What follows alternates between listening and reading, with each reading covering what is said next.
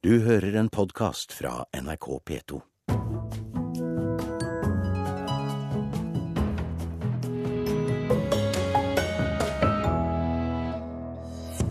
Forbrukerrådet advarer mot sikkerheten hos skylagringstjenester. Datalagring på internett populært blant nordmenn.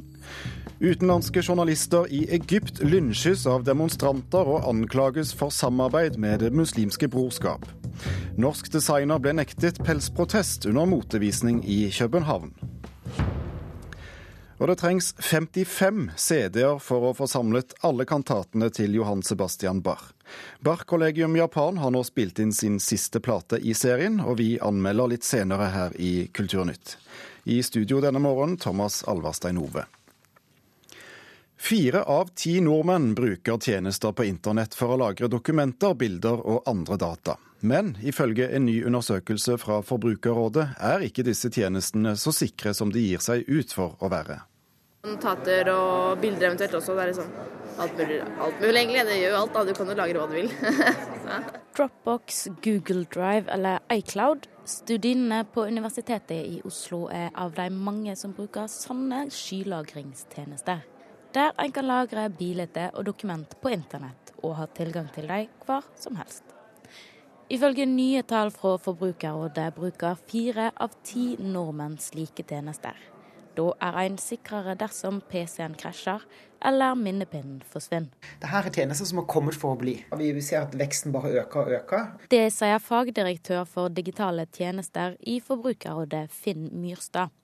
Men etter å ha gått gjennom brukervilkårene til de sju største skylagringstjenestene, advarer han mot å stole blindt på skyene. Så er vilkårene for skylagring overraskende dårlige. De markedsfører seg jo på en måte med at alt du lagrer i skyen er veldig trygt. Og at du kan miste telefonen i do eller når du bader, og du skal ikke bekymre deg. Men så går de veldig langt i å fraskrive seg alt ansvaret i disse brukervilkårene. Dvs. Si at i teorien så kan filen din gå tapt i morgen, og du har ingen rett, rettighet til erstatning, for det sier du faktisk fra deg når du bruker tjenesten. Det er ingen av de undersøkte tjenestene som garanterer for at filene dine er sikre i skya deres. I tillegg får flere av de kritikk for dårlig personvern, ingen plikt til å opplyse om brukervilkårene blir endra, og at noen av de har tilgang til filene dine uten å skrive hva de kan bruke informasjonen til. Og det her er litt av disse problemene med Google. De eh, er veldig utydelige på hvilken informasjon de samler inn om deg. Google Drive er blant de som får kritikk for flest punkt i vilkårene sine. Og NRK har kontakta Google Norge. De vil ikke stille til intervju, men svarer på en e-post. Google Drive-brukere bevarer alltid åndsverksrettighetene til alt som lastes opp i skyen, og vi vil aldri bruke private dokumenter til markedsføring eller annet. Google skanner kun filer som lastes opp til Drive for å vurdere om innholdet er ulovlig eller bryter med vilkårene eller retningslinjene våre. Men samtidig så bygger de også opp en veldig eh detaljert profil om hvem du er, og vi vil ikke at den informasjonen du laster opp i skyen, skal brukes til den type profilering. For det er såpass mye sensitiv informasjon du laster opp der, at det bør skilles ut på en sånn måte at det ikke ses i sammenheng med alt det andre du gjør. Nå vil Forbrukerrådet sammen med IKT Norge lage en felles bransjenorm for å sikre trygge skytjenester som vil si at vi lager noen regler for hva som er greit, og hva som ikke er greit når det gjelder skylagring. Når det er sagt, så vet vi jo ikke om alle kommer til å følge det, for det her er jo store internasjonale selskaper. Ja, for det er det jeg tenker. Hvorfor skal de bry seg? De, jo, eh, de må jo spille på lag med forbrukerne. og Derfor håper vi at de har en egen interesse av å å, å, bli enige med forbrukerne om noen vilkår som på en måte kan være minstestandarder. På universitetet blir studentene overraska over at filene deres ikke er så sikre som de trodde. De garanterer ikke for at de ikke kan miste tingene dine, da? Ja, det er jo Jeg har plutselig alt borte og bare Å nei, Derfor er du går tilbake til å skrive på penn med penn og papir. Det er det jeg gjør nå. Reporter her, det var Maria Piles Våsand.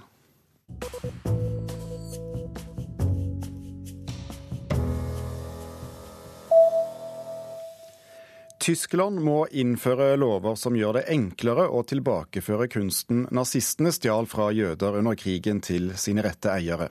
Det krever Den jødiske verdenskongress, som møtte tyske myndigheter i går.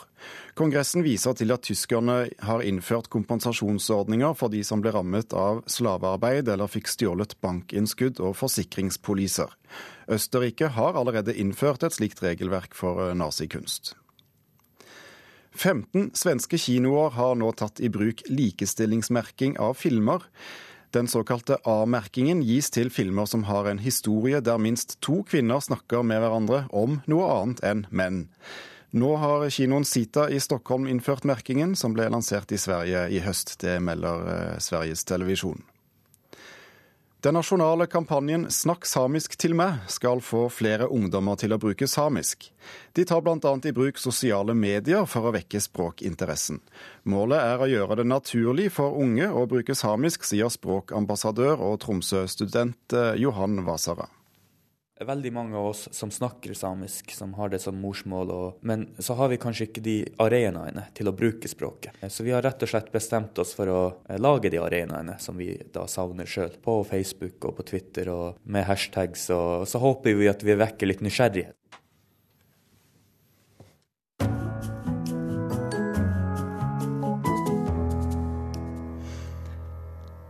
Det er stor bekymring for pressefriheten i Egypt. Tre år etter Hosni Mubarak ble avsatt, fengsles igjen journalister. 20 ansatte i forskjellige kanaler tilhørende det qatarske medieselskapet Al Jazeera er tiltalt bl.a. for å stå i ledtog med Det muslimske brorskapet og spre falske nyheter.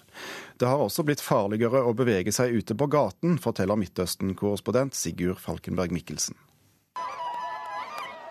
Du kikker deg over ryggen, prøver å forsikre deg om at ingen er på vei for å angripe, har fluktplanene klare. Du blir på samme sted så kort tid som mulig, og så beveger deg videre. På et øyeblikk kan menneskemassen vende seg mot deg. Og det enda de er ute for å feire, slik disse menneskene var, som jeg intervjuet under treårsdagen for oppstanden mot Egypts president Hosni Mubarak denne helgen. Sisi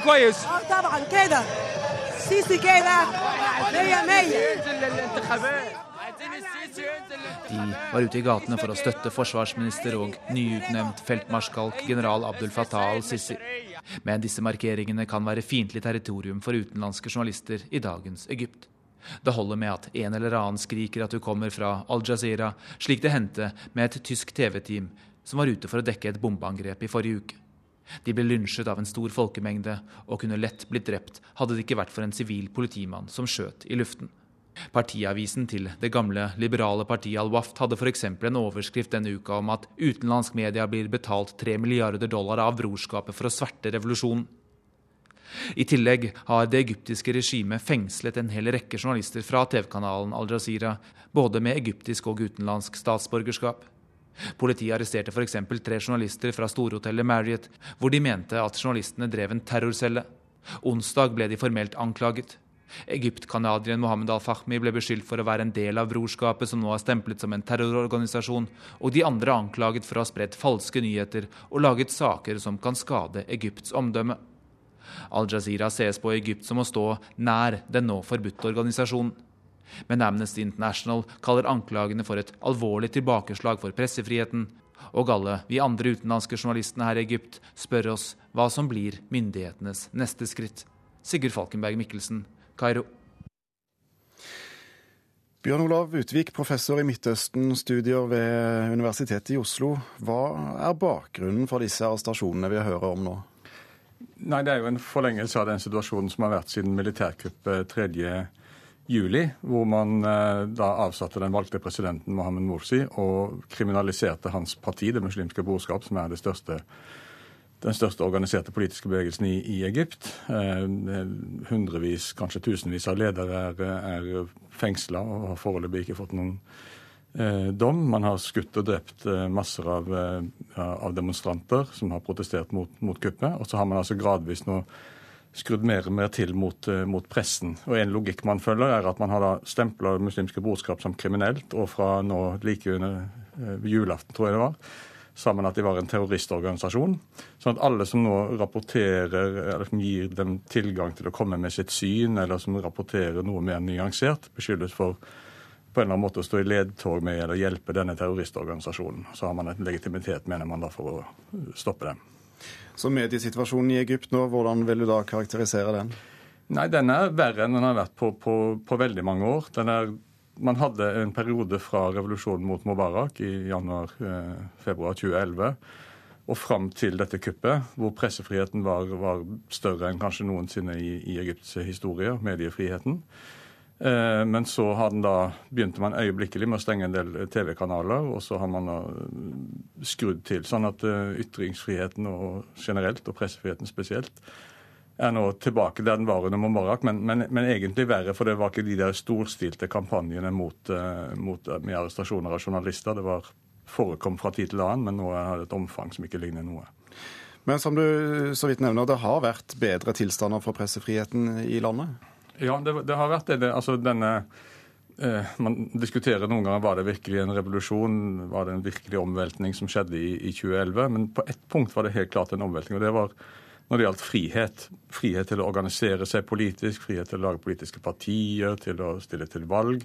Og frihet til å uttrykke seg gjennom, gjennom presse og, og media. Så du har hatt en, fikk en flora som, du, som, som ikke som større enn det har vært noen gang i, i, i hvert fall Egypts uh, historie. Og den varte, det skal man huske på, den varte også under Det muslimske brorskapet, eller Morsis uh, presidentskap, som varte ett år, fra sommeren 12 til sommeren 13 så fortsatte denne pressefriheten. Og det var jo noe Det ble jo drevet store kampanjer mot brorskapet og Morsi i pressen den gangen. Så friheten fortsatte da, men den slutta med, med kuppet. For oss her i Norge så må det jo da fremstå som et eh, paradoks at, eh, at, folkemengden eh, også er med på, eh, på eh, å, å lynsje journalister i Egypt? Ja. Nå skal vi jo ikke ta folk, altså hva er, hva er en folkemengde? Det betyr at det er tilstrekkelig mange til å lynsje en, eh, en, journalist. De trenger ikke hvor mye representerer de av det egyptiske folket. Det vet vi ikke. Det vi vet, er at det er en ekstrem polarisering i Egypt. Det er bygd opp på en måte veldig hatske fronter, de som er for kuppet og de som er mot kuppet.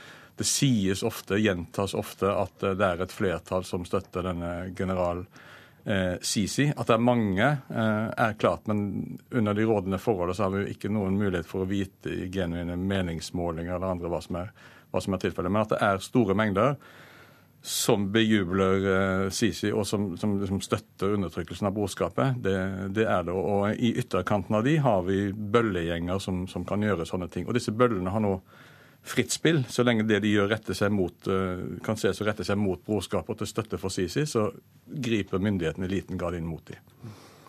Bjørn Olav Utvik, eh, tusen takk for at du kom til oss og orienterte om eh, pressefriheten i Egypt, eller mangel på sådan.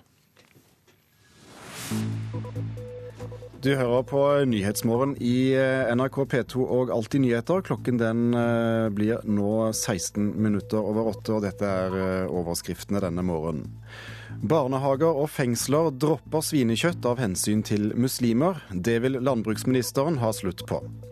En rekke ordførere vil ikke ha kommunalt selvstyre når det gjelder reservasjonsrett for leger. Og på Frøya har de 180 som ble evakuert, eh, evakuert etter brannen, endelig fått sovet hjemme igjen i natt. Den norske designeren Lisa Kristindatter Mortensen mener hun blir sensurert av motemessen Vision som foregår under moteuken i København. Klærne som formidler motstand mot pels, ble for sterk kost for danskene. Eh, antrekkene mine består jo av Det er egentlig seks antrekk da, eh, som består av disse her collegegenserne. Og så har vi disse buksene Klesdesigner Lisa Kristindatter Mortensen viser frem beige og hvite klær som henger på et stativ sammen med noen mer fargerike klær med store dyremotiver på. Vi har brodert eh, illustrasjoner av dyr, som er på en måte sårede eller rammede dyr. Da. Det er disse klærne hun ble invitert til å vise under motuken i København før jul. Men 9.1 fikk hun en annen beskjed. Hun får ikke delta uten å endre kolleksjonen. Mortensen er tydelig på at dette er en aktivistkolleksjon mot bruk av pels i moteindustrien. Jeg føler jo at jeg blir sensurert fordi at det Jeg er provosøren her, da, i bildet. Og det syns jeg kanskje er det vanskeligste av alt. At uh, når jeg jobber, jobber, for noe som Og fremmer en sak som er veldig viktig, uh, og så legitimerer jo de da pelsnæringa enda mer da, ved, ved å utelukke meg. Vi har ikke bedt Lisa om å endre på sin kolleksjon. Vi har opplyst henne om at uh, Designers Nest ikke er en plattform for politiske budskaper. Det sier kommunikasjonssjef for Vision, Trine Fruergård. De arrangerer konkurransen Designers Nest for unge, uetablerte designere, men vil ikke være en plattform for politisk aktivisme. Uh, og så har hun selv valgt å deltage med, øh, med, med en annen kolleksjon. Fordi at, øh, at, vi har opplyst henne om at vi, at vi, at vi gerne vil forholde oss neutrale. Vi er ikke en plattform for, for, økonom, for, politiske budskaper. Nå har Mortensen valgt å ta ut de mest provoserende fargerike plaggene, og kolleksjonen De andres pels blir vist i programmet Designers Nest i dag. Du kunne jo valgt å si nei, men da vil ikke vise kolleksjonen. Hvorfor valgte du ikke det? Alle antrekkene bærer jo den logoen og den aktivismen. Det er bare at det sterke visuelle er utelatt. Ingenting vil jo forandre seg hvis jeg bare blir her hjemme og ikke deltar. Jeg tenker at det, det kanskje kan åpne noen dører, da. Ja, Det sa designer Lise Kristin Datter Mortensen. Reporter var Eirin Venås Sivertsen. På denne dagen for 200 år siden la arveprins Christian Fredrik ut på en viktig reise. Han ville kjempe Norge fri fra Sverige, etter at Kiel-traktaten hadde fastslått at Norge nå var på svenske hender. Men hadde han det norske folket bak seg? En trondheimstur skulle gi svar. Her kom han i rykende fart vet du, og svarver inn på tunet. Han hadde jo travelt. Han eh, kjørte fra Eidsvoll til Trondheim på fem døgn. Mye sto på spill for arveprinsen da han svingte inn på sin første stopp her på Grøna skysstasjon på Østre Toten. Trondheimsturen ville vise om han hadde det norske folks tillit, og om de var villige til å kjempe seg fri fra svenskene. Og det er klart, Grøna var første stoppen, og da sier jeg det på sånn godt totensk at det, da var fra spent at en pisse i buksa, sier jeg, for at eh, han visste ikke hva han ville, ville bli møtt av. Denne steinhella som ligger her, da, det skulle ikke forundre meg om denne lå her også i 1814. Så når vi går inn her nå, så går vi bokstavelig talt i prinsens fotspor? Vi må tenke det sånn. Det er Per Idar Vingebakken som eier skysstasjonen i dag. I over to år har han brukt millioner av kroner på å restaurere det historiske stedet. I dag åpner han dørene for fest. For fest ble det også for Christian Fredrik denne dagen. Da han kom inn på tunet her, så da står jo amtmann her og prest. Og det sies det at det skrev ned at det sto en hel dragonstilling fra militæret som sto æresvakt på han. Veldig stas, selvfølgelig, med en, eh, en uh, kronprins. Det var ikke noe vanlig at en sånn dro langs med Mjøsa oppover Gudbrandsdalen. Nei, han ble mottatt uh, med, med vill jubel mange steder. Sier historiker Tore Pryser. Oppover Gudbrandsdalen skulle arveprinsen også oppdage at nordmennene var klare til kamp. Han spør har dere våpen, og de svarer ja, men vi mangler kuler og krutt. Ja, det skal vi skaffe, sier han. Vi har skaffet krutt nok til å, å, å sende, skyte svenskene til månen. Det er ikke måte på det. Det er veldig, veldig stemning for denne selvstendighetsreisinga. Altså. Det måtte ha vært en lettelse for Christian Fredrik, som så gjerne ville bli konge. Det er klart at han er arveprins. Han mister jo en stor del av dansk-norsk territorium. Eh, de aller fleste mener at han egentlig satsa på å få eh, Norge tilbake igjen til Danmark. Så nå er det siste innspurt. Ja, det er liksom Det må være på stell nå, da. Sjøl om prinsen allerede ved Grøna vant folkets tillit, skulle han likevel få dårlig nytt da han kom til Trondheim. Der får han, eh, som vi veit, de første signalene på at nordmenn ønsker en konstitusjon, som det het den gangen, altså en grunnlov. Han misliker det utgangspunktet fordi det er i strid med eh, hans arverett, ikke sant. Eh, han hadde jo arverett og krav på Norge som eneveldig konge. Turen ned Østerdalen gikk raskt, og vel tilbake på Eidsvoll innhenta virkeligheten den oppglødde prinsen. Eh, den tradisjonelle oppfatningen der da at professor Georg Sverdrup overtaler Christian Fredrik til å si fra seg arveretten og i stedet innkalle da til en riksforsamling på Eidsvoll for å lage en grunnlov. Per Idar legger to nye kubber på grua. For i dag må det ærverdige bygget by 70 gjester på god varme. Og han gleder seg til å markere 200-årsdagen for arveprinsens viktige reise. Nei, vi må jo si det at Vi føler at vi blir en del av historia, da, og, vi, og vi er oppi her. Vi føler vi er på historiske grunn. Eh, så vi er jo stolte av det. Det sa Per Idar Vingebakken på Grøna skyss-stasjon, hvor det altså er markering av 200-årsdagen i dag. Reporter det var Torunn Myhre.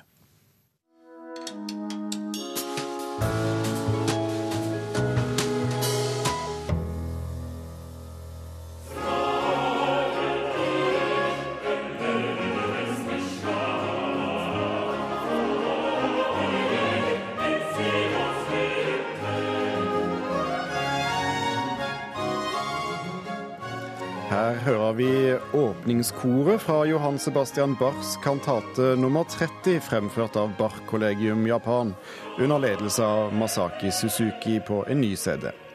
Dette er den 55. og siste utgivelsen i ensemblets eh, serie med samtlige av Bachs rundt 200 kirkekantater. Et prosjekt som har pågått over 18 år, og vakt til dels voldsom begeistring hos eh, både kritikere og platekjøpere. Og anmelder Øystein Sandvik, er dette et verdig punktum for dette prosjektet? Altså Det er det absolutt. Altså, dette er jo en serie som har holdt en, eh, holdt en, imponerende høy standard helt fra første utgivelse. Det var jo, Man tok jo kanskje verden litt på senga, dette japanske ensemblet som ingen hadde hørt om, men som eh, sang og spilte så veldig fint. Og de har jo holdt på da i 18 år borti dette kapellet i Shoin kvinneuniversitet i KB. Holdt på jevnt og trutt og spilt seg gjennom eh, alt sammen. Og vi hører de typiske kjennetegnene her også. Det er jo noen solister her som har vært med eh, helt fra starten til dels. Det er godt gjennomarbeida. Altså, det er et ensemblespill på et høyt nivå. Du hører at hver eneste takt er forma med omhu. Uh, og så er det en veldig homogenitet i koret og solister som trer ut av korklangen. Altså Dette er ikke en veldig operatisk måte å tenke bak på, men det er mer sånn harmoniserende og homogeniserende ideal. Ja, Betyr det kanskje at det er stort sett de samme musikerne som har vært med gjennom alle disse årene? Ja, Det klart det har vært, uh, vært utskiftninger uh, underveis. og det, det, som er litt morsomt, er jo at dette har mer og mer blitt uh, et sånt Suzuki-familieprosjekt med Masaki Suzuki som dirigent. Sønnen hans etter hvert som cembalist. Broren på cello kona synger i koret. Men, men på solistsida så har det også egentlig vært ganske overraskende stabilt. Du har f.eks. da bassen Peter Koi, som var med på aller første utgivelse, og som er med også nå på siste. Eh, og kontratenoren Robin Blaze har også vært en ganske stabil uh, sanger hele veien. Men, men, Peter Coy har kanskje vært den aller mest stabile og vært med på så å si alle av disse utgivelsene. Du hører en podkast fra NRK P2. Bassen Peter Coy her i en arie fra Bachs kantate nummer 30, altså. Hva vil du si kjennetegner måten Bach-kollegium Japan fremfører denne barokkmusikken på? Det er lett og friskt uh, i disse litt hurtigere satsene som vi hørte her. Det er sprettent og dansant. Uh, men det har også en veldig sånn kontemplativ ro i noen av de mer innadvendte og uh, langsomme, introverte ariene og duettene. Det er mulig at det er et eller annet med Eh, denne japanske mentaliteten og en eller annen karakter i Bachs musikk som eh, har en slags sånn eh, connection der.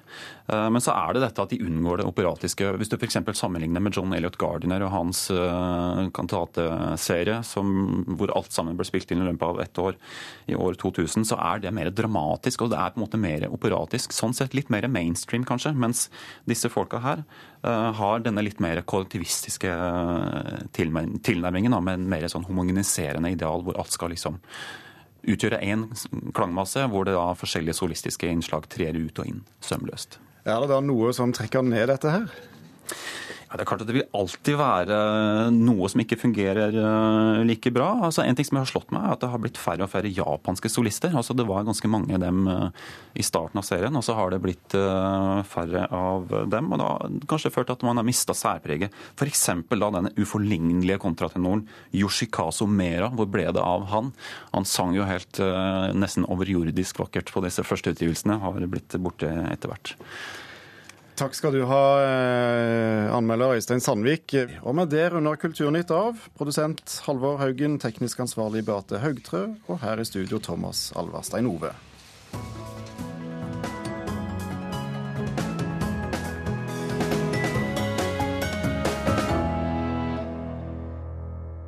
Du har hørt en podkast fra NRK P2.